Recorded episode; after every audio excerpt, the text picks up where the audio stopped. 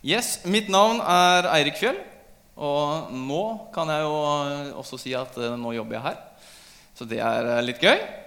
Så nå eh, Før når jeg, har talt her sånn innimellom, så da har jeg liksom vært frivillig. Så da, da er det kanskje ikke like greit for dere å si noen sånn tilbakemeldinger og sånn. Men nå når jeg er ansatt, nå kan dere bare fyre løs etterpå. Om det er negativt eller positivt, så tar jeg det. Nei da. Du, vi er inne i en uh, taleserie som vi begynte på uh, sånn ordentlig sist søndag. Den heter 'Kom og se'. Jeg vet ikke om dere fikk med sånn inn nå, men er en, den ligger sikkert der ute hvis ikke dere fikk den. Her er det, står en litt sånn innledning på hvorfor denne taleserien. Og så står det på baksida her så er det en bibelleseplan som vi oppfordrer til å være med og lese for uh, måneden september. Da. Vi har stor tro på at uh, bibellesing er uh, bra å ta med seg i hverdagen, så vi oppfordrer til det.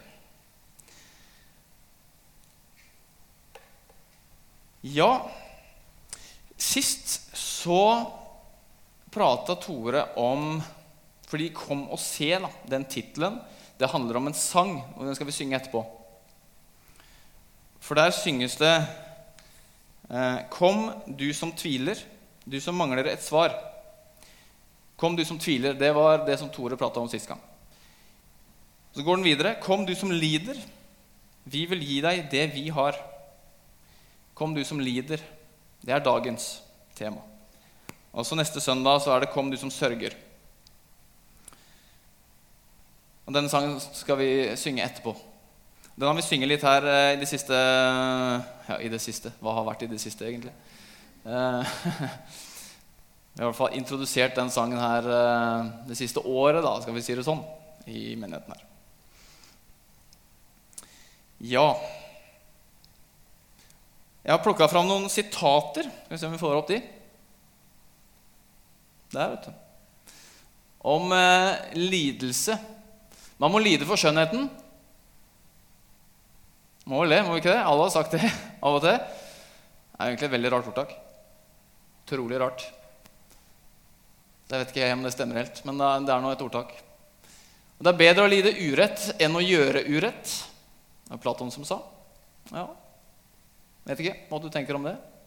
Det er bedre å lide urett enn å gjøre urett. Og så er det en amerikansk president som har sagt det at belønningen fra lidelse er erfaring. Og det tror jeg er sant. Men det er en uh, dyrkjøpt erfaring. Ja, Har dere hørt om uh, skeptikeren som led av høyt blodtrykk? Han tok alt med en klype salt.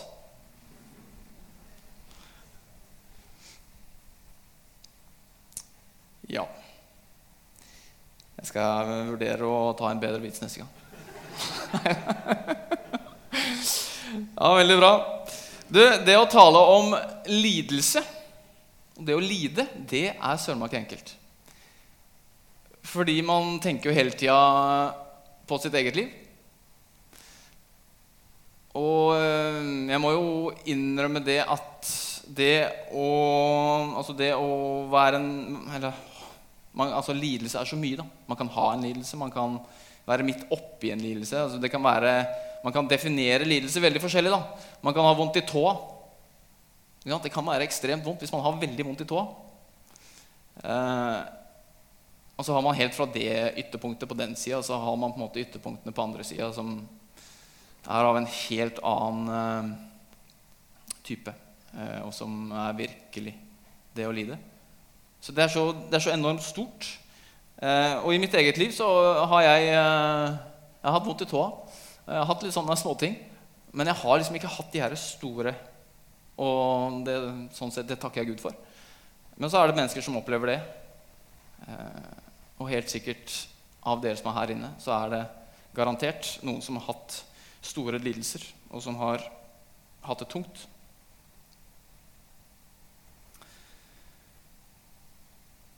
Så jeg tror liksom eh, summen her, da, så vet vi en del av hva lidelse er.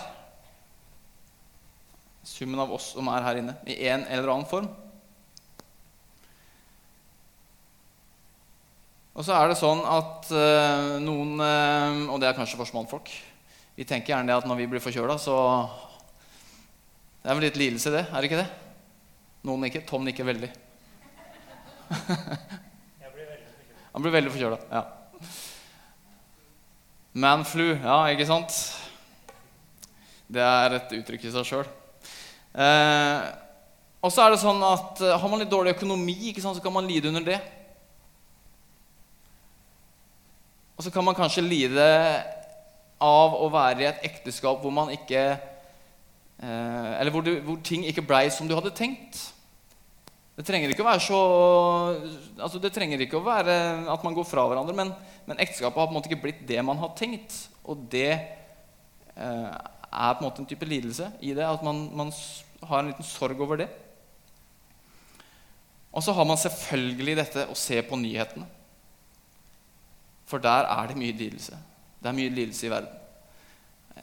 Og det er jo ikke mange dagene siden vi fikk det, et stort eksempel på det på, i en flyktningleir på en øy i Hellas. Så lidelse er så mye, da.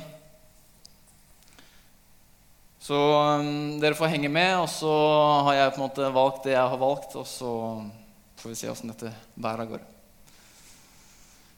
Jeg har lyst til å starte litt der. Hvorfor tillater Gud lidelse? For det er jo et spørsmål som mange stiller seg. Og jeg tror kanskje det er et av de virkelig store spørsmåla som gjør at det er mange som sier at 'nei, Gud, jeg vil ikke ha noe med deg å gjøre'. Hvor er Gud oppi alt når man sitter og ser eh, bilder fra eh, Moria-leiren? Hvor er Gud oppe i alt når man ser krig, sult, vold, misbruk? Og den lista er lang. Og så kan man rope ut, 'Gud, hvor er du? Hva skal du gjøre med dette?' Noen tenker jo at man, altså, Hvorfor kan ikke bare Gud ta vekk alt det onde? Han jo, hvis han er allmektig, hvorfor kan han ikke bare ta det vekk? Men da er det jo en, en greie For hvis Si at Gud skulle tatt vekk alt det onde, så hadde ikke jeg stått her. Og du hadde ikke sittet der du gjør. Fordi hvis Gud skal ta vekk noe ondt, så må han ta vekk alt ondt. Han kan ikke skille på ondskap. Ut ifra Bibelen så er på en måte alt det som går, eh, som går, imot Guds vilje, er, det er på en måte likt. Og det er jo det som vi mennesker er vanskelig for å ta inn over oss, da, forstå. For vi definerer og rangerer gjerne ikke sant, ondskap mot ondskap. Det, det er jo mye verre enn det. Men Gud er ikke sånn. Så hvis Gud skulle fjerne alt onde, ja, så hadde han fjerna meg. Og så hadde han fjerna deg. For det, alle vi har noe ondt i oss. Og vi trenger alle tilgivelse for det onde. Det er som Paulus skriver i Romerne, at det jeg vil gjøre, det gjør jeg ikke. Og det jeg ikke vil gjøre, det gjør jeg.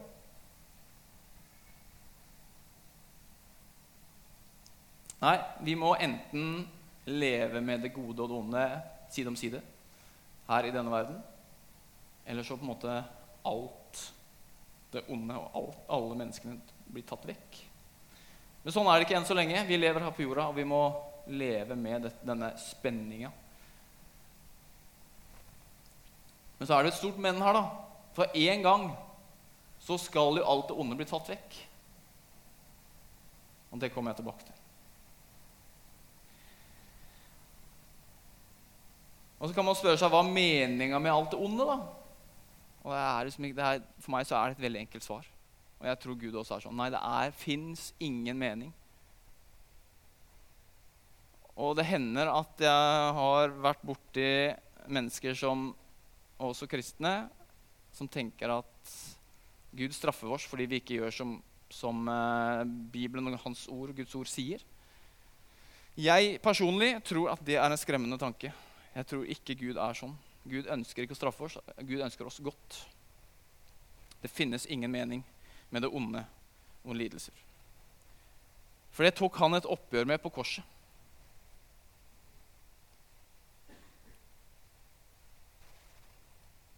Sånn. Gud har tatt et oppgjør med all ondskap en gang for alle. Med alt det onde, med all, alle lidelser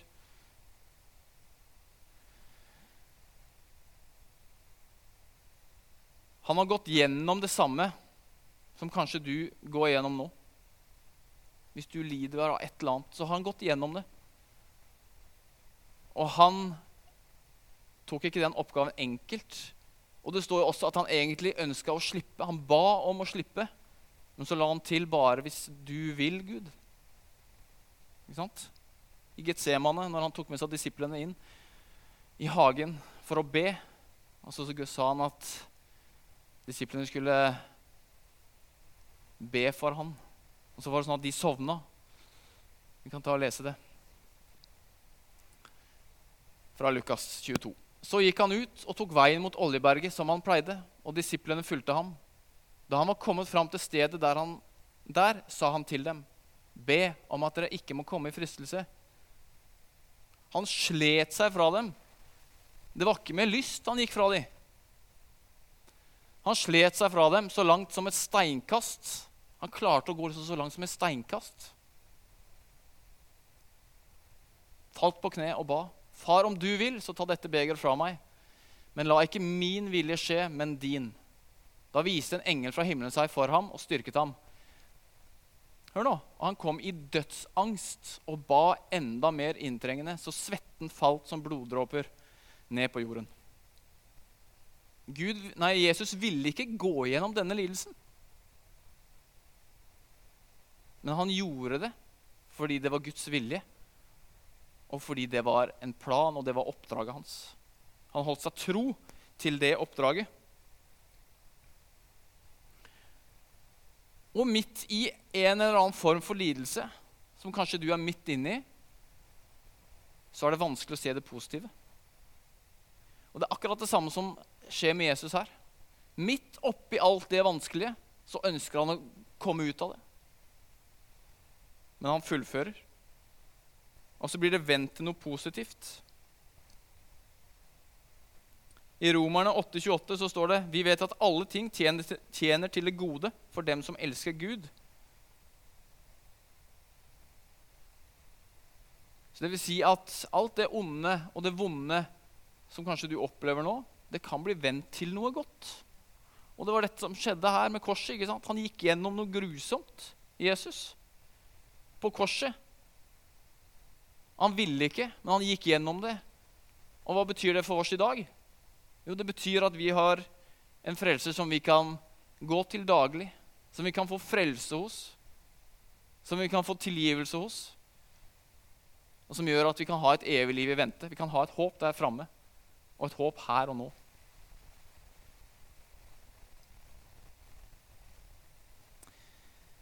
Gud kan ikke forenes med ondskap, men han forenes med lidelsen. Gud kan ikke forenes med ondskap, men han forenes med lidelsen. Han kan bli forent med deg der du er. Ikke bare han kan, men han vil. Han har lyst til å møte deg akkurat der du er, i det du sliter med.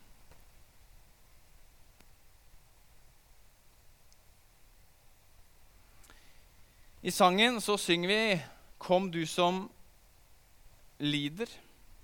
Vi vil gi deg det vi har.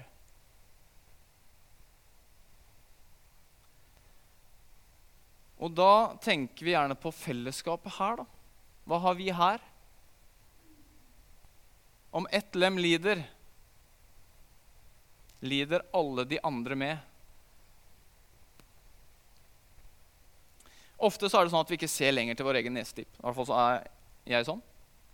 Og på Var det på tirsdag eller var det på onsdag da vi våkna opp til at det brant ned i denne flyktningleiren?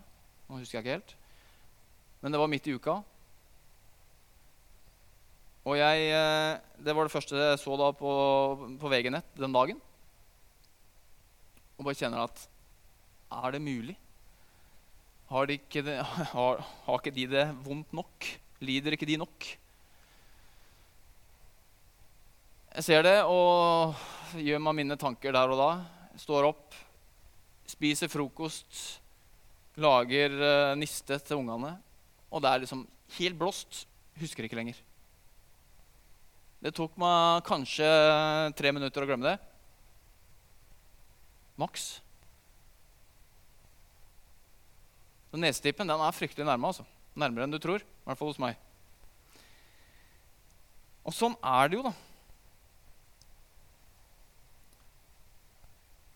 Og det her skjedde jo når sånn sett jeg, I mitt liv akkurat nå så har jeg det greit. Eh, jeg har ikke noen store ting som jeg eh, bekymrer meg over. Det har ikke alltid vært sånn, men akkurat nå så er det sånn, og det er jeg glad for. Eh, men til og med da så klarer jeg å glemme dette liksom etter bare noen få minutter. Så er det sånn at det kommer tilbake igjen, for du, nyhetene minner deg på det hele tida. Men når man står midt oppe i noe som er tungt rundt en sjøl, så har jeg, min erfaring er at da ser man jo sin egen nesetipp enda nærmere. For da graver man seg ned ofte. Og så klarer man ikke å ta til seg andre ting som involverer andre mennesker, fordi man har nok med seg sjøl.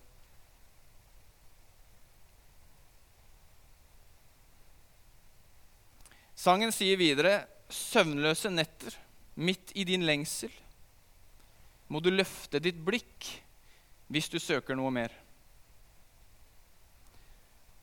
Som mange av dere vet, så er jeg veldig glad i å komme ut i naturen og løpe. Jeg løper gjerne i terrenget. Og da når jeg løper sånn på sti, og det er røtter og det er steiner ikke sant? Jeg er nødt til å se ned hvis jeg skal klare å unngå skader. Dvs. Si, å beskytte meg sjøl, så må jeg se ned når jeg løper. Fordi det er så veldig ujevnt. og ikke sant? Man tråkker riktig. Nå klarte jeg ikke det riktig nok her om dagen, for da tråkka jeg over. Men det er jo det, ikke sant? nødt til å se ned.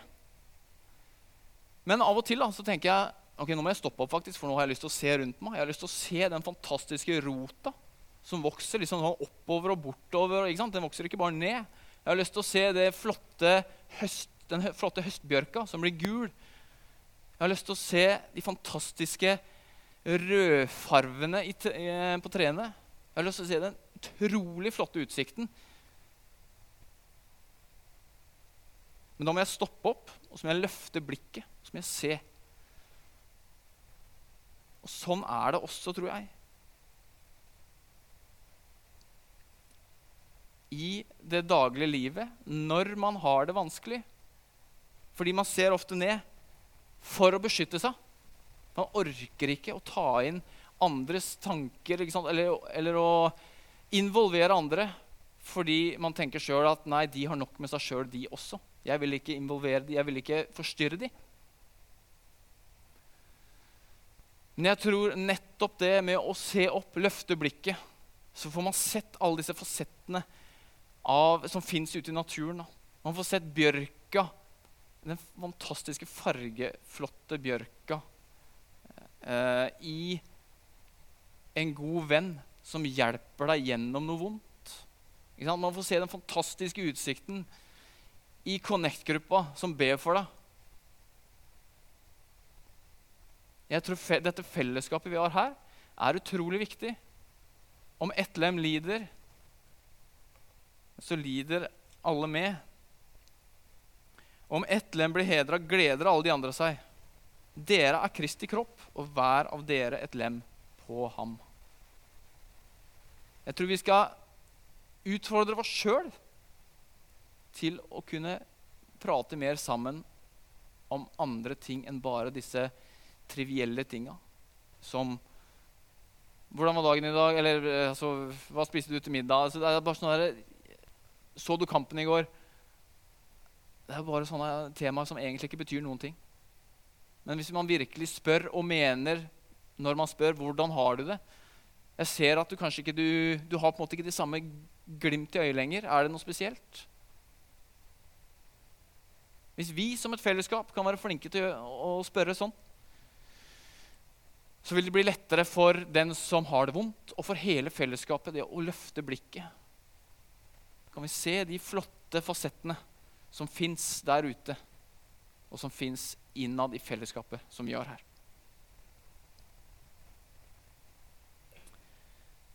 Kom og se, kom og se hva vår Gud har gjort. Se hva vår Herre gjør. Se, han er levende, synger vi videre i sangen.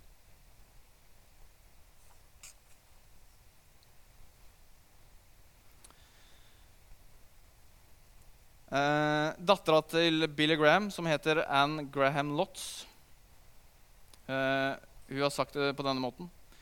Sometimes when you are suffering really intensely, you can't pray for yourself.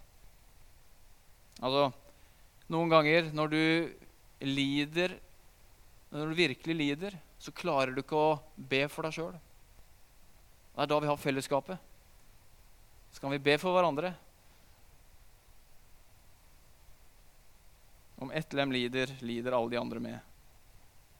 Men når det mennesket måtte våkner opp og kommer ut av det som er vondt, ja, så gleder hele fellesskapet seg.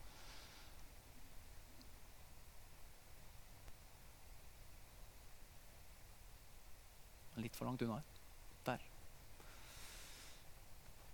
Han har lett etter deg dag og natt. Det er altså en, eh, en setning fra sangen.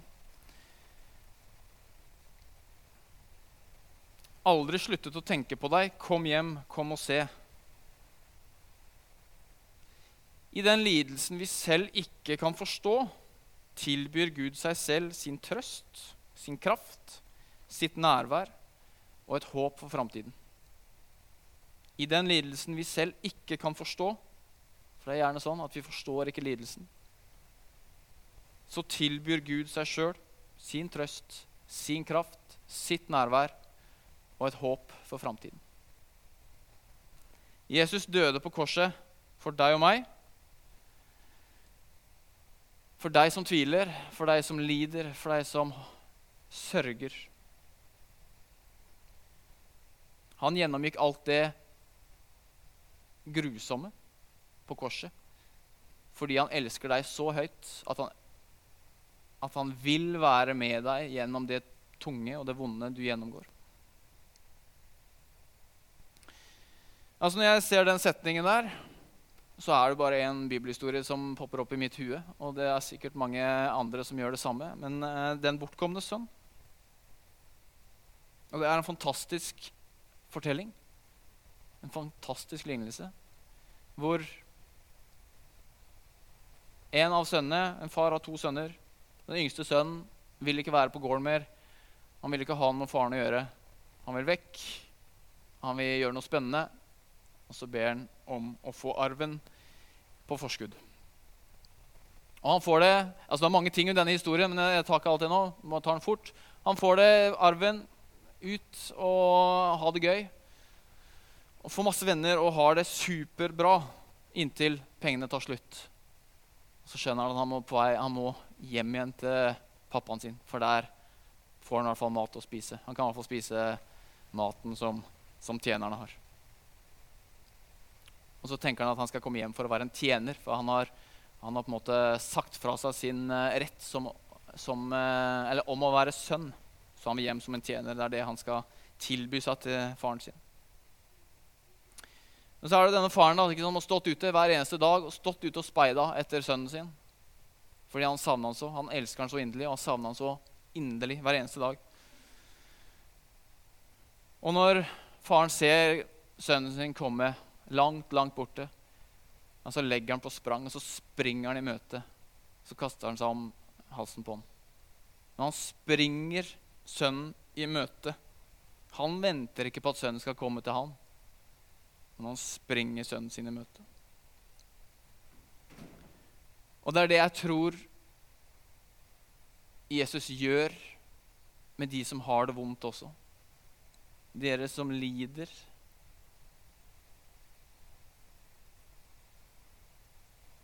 Løfte opp blikket, se den fantastiske naturen, billedlig talt. Se det fantastiske Gud har gjort på korset. Når Jesus døde der, så kan du bare åpne armene, så kommer Jesus springende til deg. Og Jeg sier ikke at det er lett, for det kan være utrolig tungt å ha, ha det vondt og lide på en eller annen form, i en eller annen form sier ikke at det er lett, men jeg sier at prøv å løfte blikket. Og så har vi en, en Gud som ønsker oss alt godt. Og som har dødd deg og meg, og med alt det vi både har gjort galt, og med alle sykdommer og lidelser og alt sammen. Det er ingenting som er for vanskelig for ham. Kom og se. Kom og se hva vår Gud har gjort. Så ta han med på laget, og så involver fellesskapet.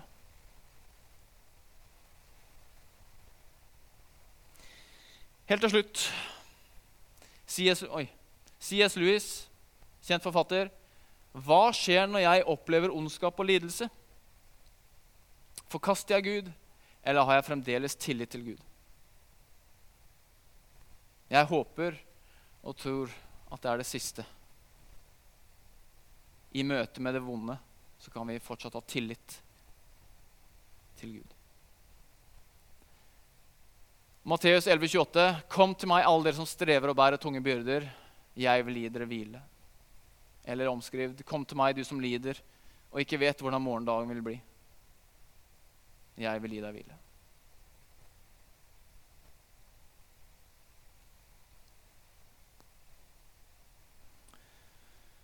Takker deg, Herre, for at du døde på korset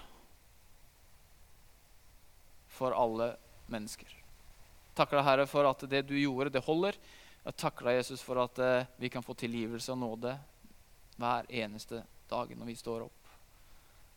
Så er det der. Blanke ark.